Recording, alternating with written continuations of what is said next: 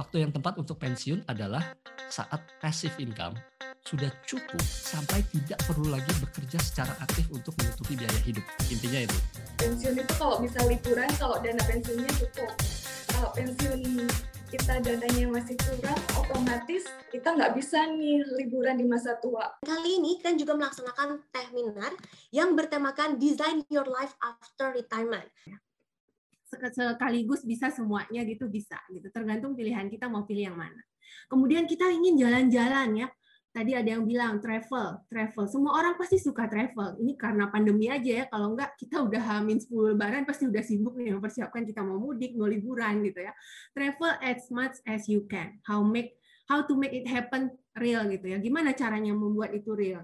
Ya, kita harus uh, membayangkan dong misalnya nanti tempat yang mau kita kunjungi setelah retirement itu apa? Contoh nih, oh saya nanti after retirement saya mau ke Amerika gitu ya, saya mau ke New York misalnya. Biayanya sekarang 100 juta. 100 juta sekarang kalau punya uang sekarang ya udah misalnya beli emas nih sekarang ya 100 gram nih sekitar 100 juta. Ya udah didiemin, nanti setelah pensiun nanti uang eh, emasnya bisa dijual untuk pergi ke Amerika gitu ya. Tercapai itu cita-citanya. Jadi semua itu diplankan di dalam pikiran kita gitu dan dihitung. Selanjutnya kita bisa memilih untuk menjalankan hobi kita, passion kita gitu ya. Kita hobinya apa sih? Ngajar, sharing, eh, bercocok tanam gitu ya. Kalau foto di Instagram eh, tanamannya hijau semua, mekar semua, seneng banget itu saya juga lihatnya pasti senang gitu kan. Kemudian hobi masak misalnya, hobi eh, bersepeda sambil cari-cari foto bagus sambil habis itu makan bubur ayam misalnya kan seru banget kan traveling playing playing musik biar nggak pikun gitu ya piano gitar drum reading books juga bisa loh kita lakukan agar uh, menambah ilmu kita gitu ya. Kemudian menjadi sehat, gimana caranya? Kita harus rutin melakukan exercise. Contohnya saya ya, 3 sampai 4 kali seminggu itu saya rutin yoga, teman-teman online. Kemudian kalaupun nggak yoga, kita kan bisa zumba atau bisa uh, sit up, ngeplank itu di YouTube banyak kok ya. Uh, kalau online seperti ini. Kemudian makan makanan yang sehat, yang dari gorengan gitu ya, sayuran, buah-buahan, minim uh, minum minimal 3 liter sehari kemudian tidur yang cukup, dan kita mengkonsumsi vitamin atau suplemen. Nah, di sini ada dua gambar nih teman-teman, sebelah kiri dan sebelah kanan. Asumsinya umur mereka sama gitu ya. Yang sebelah kiri ini uh, harus duduk di wheelchair gitu ya, atau sebelah kanan nenek-nenek yang sangat atletis, masih sibuk nge-gym gitu ya, tubuhnya yang uh, keren banget gitu ya, rambutnya udah ubanan tapi sehat gitu ya, langsing lagi ya. It's your choice juga gitu. Tapi kita tergantung uh, goalnya kita kan mau seperti apa dan kita harus berinvestasi untuk kesehatan untuk uh, dana hari tua kita tuh mulai dari sekarang gitu semakin cepat semakin baik nah sekarang kita sampai kepada manajemen risiko gitu ya how to protect yours your income, your asset, your health gitu ya. Ibaratnya gedung, gedung aja kalau kita kerja di satu gedung tuh ada loh manajemen risikonya. Ya enggak, kalau uh, apa tsunami gimana, kalau gempa gimana, kalau kebakaran gimana gitu. Bagaimana dengan hidup kita sendiri? Hidup kita ini bisa kita hitung gitu loh ya. Uh, berapa levelnya uh, kalau untuk manajemen risikonya. Mobil aja ada loh nilainya, value-nya gitu ya. Hidup kita berapa value-nya gitu. Mengapa kita harus berasuransi? Pertama, kalau disingkat itu life ya, gampang ingatnya. Pertama untuk loan cover, kalau misalnya kita berhutang tidak menyusahkan uh, keluarga kita kalau misalnya terjadi sesuatu sama yang uh, yang hutang gitu ya, yang punya hutang. Yang kedua buat income protection atau income replacement. Buat memproteksi income kita, membuat uh, menggantikan income kita. Kemudian untuk biaya pemakaman. Sekarang kan pemakaman itu udah merupakan lifestyle ya, misalnya mau di San Diego Hill. Nah, itu kan bukan suatu hal yang murah Kemudian untuk education planning, saya udah nabung nih ya rutin buat anak-anak sekolah, eh terjadi sesuatu sama pencari nafkah. Gimana tuh uang yang sudah ditabung buat tujuan anak-anak sekolah? Jadi kita harus punya jaminan dana pendidikan itu berupa asuransi uh, sebagai education planning itu agar anak-anak kita itu tetap mencapai tujuannya uh, untuk kuliah di suatu tempat ya sesuai dengan tujuannya.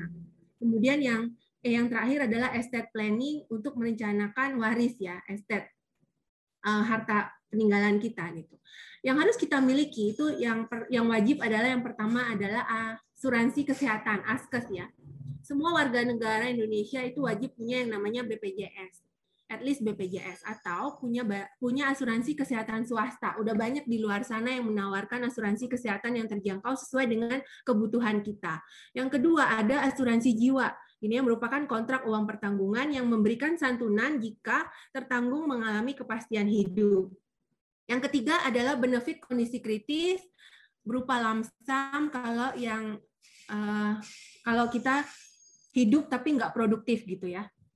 Jadi cair berupa lamsam, misalnya kondisi stroke, jantung gitu ya.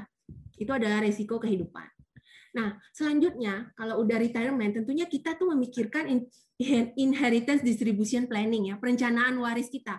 Yang tadinya kita udah kumpulin, udah create asetnya, terus how to distribute gitu ya. Kita mau pakai hukum waris apa? Ada hukum waris Islam, dasarnya adalah surat An-Nisa ayat 11, ayat 12 dan ayat 176. Kemudian ada hukum waris perdata bagi yang keturunan Tionghoa, keturunan Eropa. Kemudian ada hukum waris adat bagi suku Minang, Toba, suku Bali gitu ya. Bagaimana dengan rencana pembagian warisan kita? Apakah teman-teman sudah memikirkannya gitu ya? Ini adalah tabungan buat akhirat nanti gitu ya, wakaf. How about your wakaf plan? Wakaf itu nggak harus berupa tanah atau properti loh sekarang. Wakaf berupa uang, berupa sekolah, MCK, air bersih gitu udah udah bisa kita lakukan. Wakaf itu kan artinya menahan harta yang mungkin diambil manfaatnya untuk kepentingan masyarakat umum gitu ya. Jadi kalau kita lihat nih, waktu yang tepat untuk pensiun, kalau misalnya teman-teman mau pensiun, itu pensiun nggak berarti usia 60, usia 70 ya, atau usia 56, 58 seperti di kantor. Tapi syaratnya ini aja.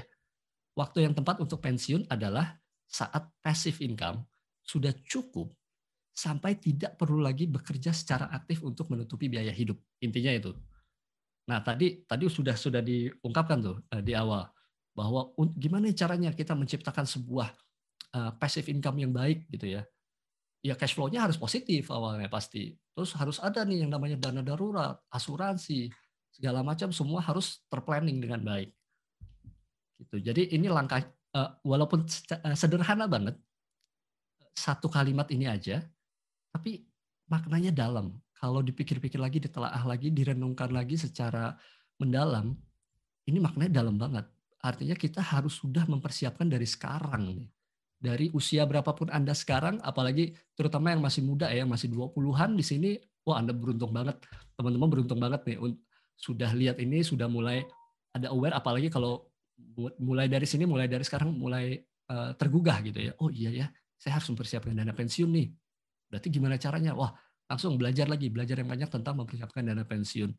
Nah, itu itu unggul sekali, itu enak sekali karena waktunya panjang Nah, di waktu yang panjang itu bisa mempersiapkan dengan berbagai macam uh, cara gitu.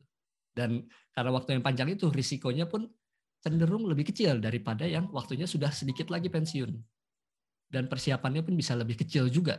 Jadi dengan katakanlah dana ya 200 ribu, 300 ribu atau bahkan uh, 400 ribu, 500 ribu itu masih cukup. Tapi kalau misalnya lima tahun lagi mau pensiun, itu mempersiapkan dengan 5 juta sebulan pun bisa jadi nggak cukup loh.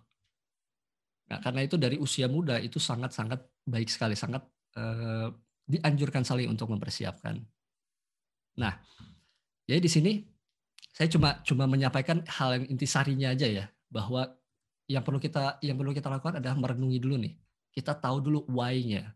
Kenapa kita harus mempersiapkan dana pensiun dari awal, dari sekarang, dari ya pokoknya dari uh, sesadarnya kita lah. Sekarang ini karena ya itu tadi balik kita perlu dana pensiun ini untuk memastikan di usia tua nanti kita tidak bergantung kepada orang lain. Kita tidak bergantung sama anak. Kita tidak bergantung dengan saudara, dengan keluarga besar. Kita tidak bergantung dengan teman-teman yang mungkin teman-teman juga sama-sama susah nantinya. Kita tidak bergantung juga sama negara. Jadi artinya kita sudah mandiri di masa tua nanti kita mandiri bahkan kita bisa memberikan kontribusi yang jauh lebih banyak daripada pada saat kita bekerja. Karena di saat itu kan waktu sudah lebih banyak tuh. Kesehatan mungkin menurun, tapi tadi harus diimbangi dengan olahraga supaya kita tetap sehat dan harus banyak duit supaya nanti kita bisa kontribusinya jauh lebih banyak daripada uh, tidak ada uang sama sekali. Jadi ini adalah tipsnya nih, tips yang sangat-sangat Eh, perlu dicatat ya bahwa maksimalkan active income di masa muda untuk diubah menjadi aset di paruh baya yang kemudian mencukupi hari tua. Intinya ini. Jadi active income itu uh, pendapatan yang kalian dapatkan, yang teman-teman dapatkan dengan melalui entah itu bekerja, berusaha, yang dilakukan secara aktif, itu maksimalkan sebesar-besarnya sambil mempertahankan gaya hidup. Jadi artinya pengeluaran, rasio pengeluaran terhadap pendapatan itu harus uh, tetap sama atau bahkan berkurang ya. Jadi dengan dengan seperti itu cash flow-nya positif bahkan bukan positif lagi itu sudah abundant, sudah sangat besar sehingga itu bisa dikumpulkan nanti menjadi aset Nah, aset ini bisa berupa properti, bisa berupa uh, paper aset, saham, reksadana misalnya, deposito dan lain-lain itu di usia di usia pada bayi di usia 40-an lah. 40 45 itu sudah ada asetnya nih dan itu sudah siap untuk nanti membiayai hari tua. Jadi itu intinya. Intinya adalah bahwa kita perlu sadar dulu, menyadari dulu bahwa ini adalah hal yang sangat sangat sangat penting tidak hanya untuk diri kita sendiri, tapi untuk keluarga kita nantinya, untuk teman-teman yang ada di sekeliling kita juga kita bisa saling uh, mengingatkan, saling sharing bahwa uh, ada sesuatu yang perlu kita persiapkan dari sekarang, ada sesuatu yang perlu kita sadari dari sekarang, karena jika tidak, maka konsekuensinya akan menunggu di depan sana. Nah, ini hal-hal yang bisa dilakukan saat pensiun tadi udah banyak jelasin ya sama Kak Linda sama Kak Ian kalau kita libur uh, bisa pensiun itu kalau bisa liburan kalau dana pensiunnya cukup. Kalau pensiun kita dananya masih kurang, otomatis uh, kita nggak bisa nih liburan di masa tua. Jadi kita mau nggak mau kita harus bekerja lagi, nyari uang lagi buat dana pensiun kita nggak ada yang salah sih sebenarnya mau kita menikmati masa tua atau kita tetap bekerja. Semuanya uh, setiap pribadi punya masing-masing tujuan kehidupan ya. Lalu kita juga bisa berbagi di masa tua. Jadi sekarang tuh banyak eh, komunitas-komunitas kegiatan sosial. Kalau yang saya tahu sih seperti kayak Rotary, seperti Lion Clubs. Nah, itu adalah mereka yang sudah di posisi uh, financial freedom. Jadi mereka berbagi uh, meluangkan waktu mereka untuk aksi sosial seperti itu. Jadi teman-teman uh, jangan khawatir. Sebenarnya uh, masa pensiun tuh nggak menakut-nakutkan banget. Asal tanggung jawab dengan apa yang kita lakukan saat ini. Kalau kita pengen uh, liburan di masa pensiun kita ya kita harus persiapkan dari saat ini mulai hitungannya dana pensiun berapa dan kita mau tinggal di mana dan kita sudah memiliki uh, macam-macam uh, hal-hal yang diperlukan seperti tadi proteksi lalu kita punya aset seperti apa agar bisa cover uh, masa tua kita tapi kalau kita di masa pensiun kok kayaknya dananya belum cukup nih, ya kita kerja lagi juga nggak apa-apa asalkan kita bertanggung jawab dengan kehidupan kita. Itu yang paling penting. Dan jangan menyusahkan orang lain, apalagi anak ya. Karena saya ada cerita juga, beberapa teman itu eh, apa namanya mungkin kalau anak yang satu darah itu nggak apa-apa ya kalau orang tuanya itu menjadi beban eh, keuangan. Tapi apakah eh, siapa namanya sorry eh, si menantu Nah ini yang jadi masalah tuh menantu. Apakah menantu itu bisa terima kalau uh, kehidupan kita itu ditanggung sama anaknya. Nah itu yang akan jadi permasalahan dalam keluarga muda saat ini. Kebanyakan memang kalau saya temuin sih keluarga-keluarga muda bermasalah sama mertua itu kalau mereka ini uh, apa namanya menjadi uh, beban ya orang tua menjadi beban bagi anaknya. Jadi kita juga jadi jangan sampai menjadi beban buat mereka karena kita uh, harus bisa mandiri sampai tua nanti. Lalu kalau kita pengen uh, berbagi berarti kita harus di posisi yang cukup. Jangan sampai kita berbagi tapi kalau kita posisinya belum cukup itu biasanya kita tuh malah seperti uh, apa namanya? kita tuh menarik ya, menarik orang-orang itu buat mengisi kita kayak gitu. Jadi kalau orang yang berbagi itu biasanya kondisinya udah cukup kayak gitu. Boleh di next.